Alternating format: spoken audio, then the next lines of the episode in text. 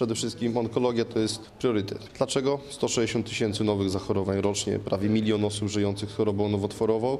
To są liczby i przerażające, no i tak naprawdę motywujące do tego, żeby, żeby gruntownie dokonać gruntownych zmian w onkologii. Wiceminister zdrowia Sławomir Gadomski.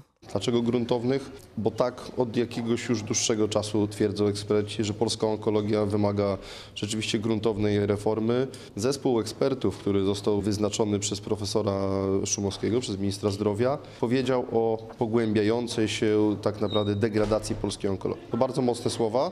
Mi osobiście wydają się nawet być może nieco za mocne, ale faktycznie no, są ogromne problemy w polskiej onkologii związane przede wszystkim ze fragmentyzacją procesów leczenia, z ogromnym rozproszeniem leczenia.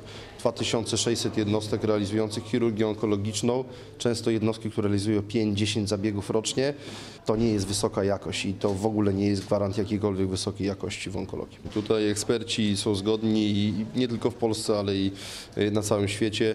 Chirurgia onkologiczna przede wszystkim no, musi być znacznie bardziej scentralizowana. No, te ośrodki, o których wspominałem, 5, 10, 20 nawet y, zabiegów rocznie, no to jest, wyobraźmy sobie, dwa miesięcznie, tak? Czyli to ani nie wymaga sensownego potencjału kadrowego, infrastrukturalnego, sprzętowego.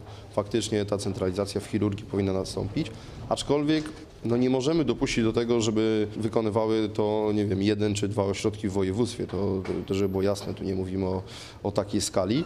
Natomiast no, faktycznie ośrodki, które w tym się są w stanie wyspecjalizować, powinny się tym zajmować.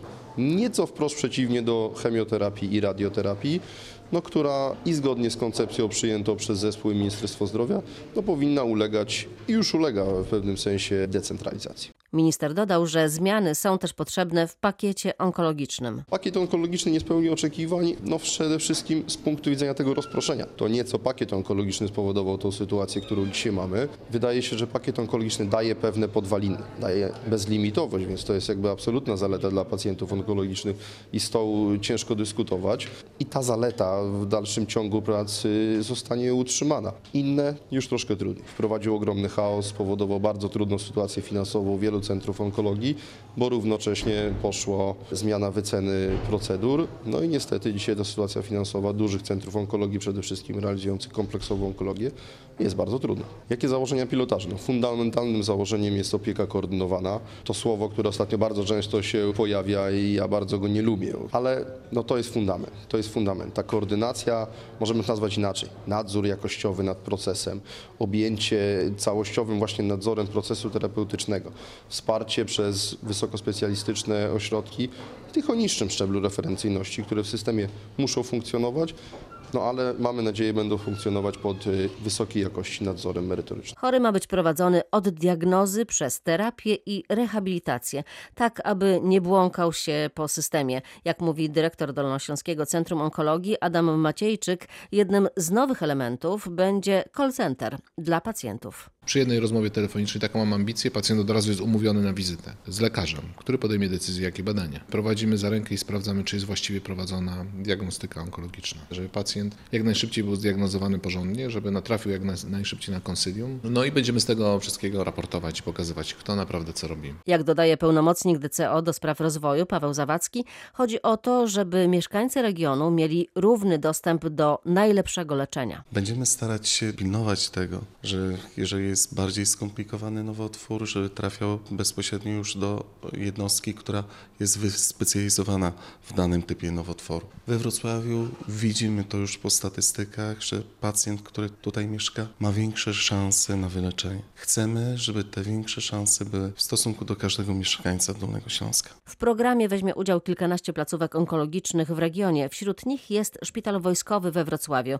Sławomir Powierża założenia programu ocenia pozytywnie, ale jak mówi, trzeba to wszystko skonfrontować z rzeczywistością. Pierwszy temat to jest y, histopatologia. U nas właściwie całą histopatologię dla takiego wielkiego szpitala właściwie realizuje jeden e, lekarz, który na szczęście jest mocno wydajny, ale jego wydajność zdaje się już zbliża się do kresu, więc jeżeli to byłaby diagnostyka taka e, powiedzmy histopatologiczna, gdzieś jakaś taka scentralizowana, nie wiem, delegowana, to Szybciej byłyby wyniki. no, po pierwsze byłyby szybciej, a po drugie no, lekarz pracujący w takim tempie i w takim odosobnieniu, jaka by to nie była dyscyplina, to po prostu się dekalibruje, można by powiedzieć. No, wymaga jednak współpracy z jakimiś innymi miejscami, żeby wiedział, że to co widzi to jest właśnie to. No, e, dokładnie z każdą działalnością działalnością człowieka i w każdej medycynie jest tak, że musi się kontaktować, więc nawet jakby był znakomity, nasz na szczęście jest, to takie wsparcie na pewno mu dobrze zrobi jemu i w ogóle całemu systemowi. To jest pierwsze, a drugie to jest e, kwestia tej koordynacji na poziomie już, że tak powiem, kontaktu z samym e, pacjentem.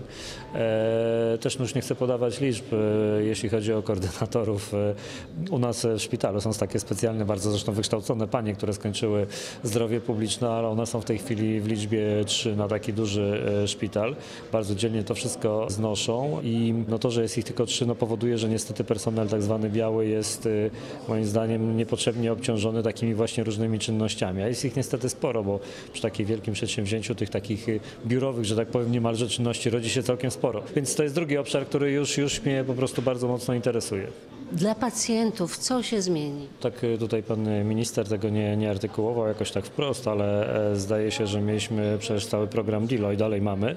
Natomiast program DILO, znaczy bardzo dobrze, że on jest, bo to już jest... y, Zielonej karty, tak? Tak, zielonej karty jest to w ogóle na czym, na czym, że tak powiem, pracować. Natomiast no, wydaje mi się, że ten program po kilku latach funkcjonowania ujawnił kilka niedoskonałości. No, jedna jest taka, że standardowy czas trwania tej karty od, od jakiejś diagnostyki konsylium do wykonania leczenia opiewa na ileś tam powiedzmy dni i to jest powiedzmy w miarę zunifikowane. Natomiast wydaje się, że niektóre dyscypliny no, jakby nie są w stanie tego terminu dotrzymać. To jest jedno, że nie są w stanie, a drugie, że też nie ma takiej potrzeby, żeby dotrzymywały. I takim na przykład przykładem są nowotwory prostaty, które generalnie nie są nowotworami, które by aż tak szybko postępowały, żeby powiedzmy Sześć tygodni i koniec. ta- Tak, dezorganizować pracę oddziału przez to, że to musi, trzeba dotrzymać po prostu takiego ciężkiego powiedzmy rygoru. Więc jest dużo, dużo pól do tego, także ja tylko się cieszę z tego. Zbigniew Hałat z Dolnośląskiego Oddziału Narodowego Funduszu Zdrowia uważa, że zmiany w onkologii są potrzebne i program był od dawna dyskutowany. Pan e, profesor Maciejczyk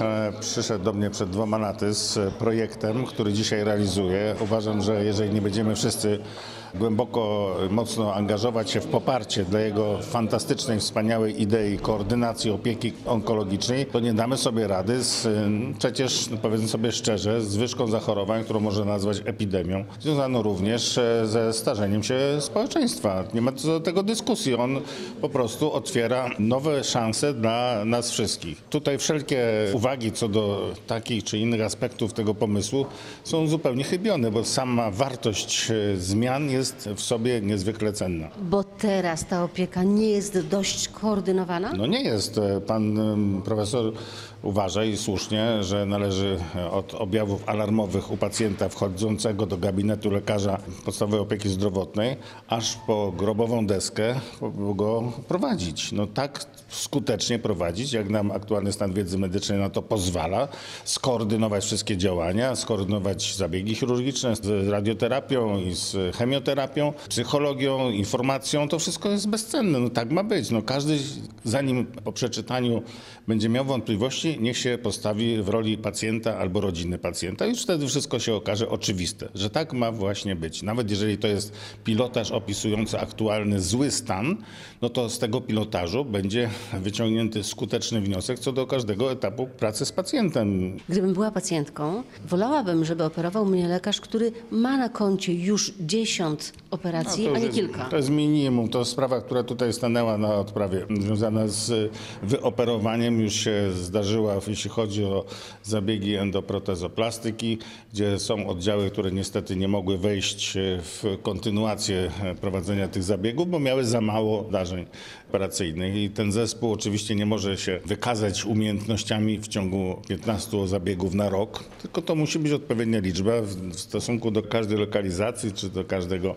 typu zabiegów określona. No tak jak będą protezoplastyka. Ja uważam to za bardzo ozdrowieńcze. Mało tego, dzięki temu lekarze e, nie migrują, nie wędrują za pieniędzmi pomiędzy małymi ośrod- ośrodeczkami. Trzymają się dużych klinik i tyle. Też nie można dopuścić do takiej sytuacji, żeby te duże kliniki się zapchały, więc te mniejsze No, mogłyby robić inne rzeczy, w których są dobre. Zdecydowanie no, sieć szpitali, którą prowadził minister Radziwiłł jest wielkim dobrodziejstwem dla nas wszystkich. Z tej liberalnej normalnej, wolnorynkowej polityki, która pozwalała każdemu otwierać uniwersytecki szpital gdzieś e, w odległym ośrodku, przechodzimy na normalność. To znaczy te najczęstsze zabiegi są wykonywane w najmniej doposażonych, najmniej obsadzonych szpitalach, a coraz wyższa referencja aż do tego najważniejszego klinicznego czy wojewódzkiego szpitala. To jest zupełnie słuszne, normalne i, i wynika to z, z logiki, nic czego innego. Pan minister wskazał też na braki w profilaktyce. Za dużo leczymy, za mało przeciwdziałamy.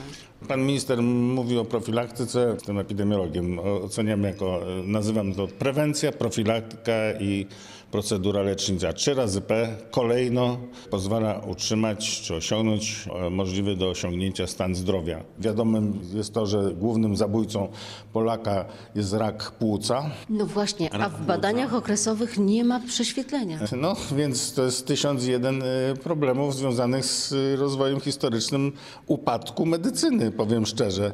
Przecież to jest absurdalne zupełnie, że w kraju, który jest ofiarą palenia tytoniu, że nie ma skutecznych badań Jeżeli opowiadamy sobie o e, potrzebie koordynacji pracy w obszarze postępowania z pacjentem, to już ten pierwszy e, objaw w postaci krwioplucia czy, czy, czy e, przewlekłej chrypki zgłaszany lekarzowi w POZ-cie, pani sama redaktor dopowie, co dalej z tym pacjentem robić, tak? Ale to się nie dzieje. A czemu się nie dzieje? Dlatego, że nie ma sieci, że nie ma pilotażu, który to, który to w liczbach pokaże i nie, i nie uratuje tych żyć ludzkich osób, które są do tego stopnia uzależnione od tytoniu, na przykład, że po wycięciu krtani związanej z rakiem płuca sobie to do tej dziurki wkładają papierosa i w ten sposób wdychają dym tytoniowy. To jest, to jest, to jest zupełnie straszne wszystko. A jeszcze do tego mamy tą prewencję głęboką, która by spowodowała, że handlarze śmiercią, czyli koncerny tytoniowe się powstrzymają z reklamą wśród dzieci, młodzieży i, i, i ludzi aktywnych y, wyrobów tytoniowych. Ale tego ten pilotaż nie zmieni.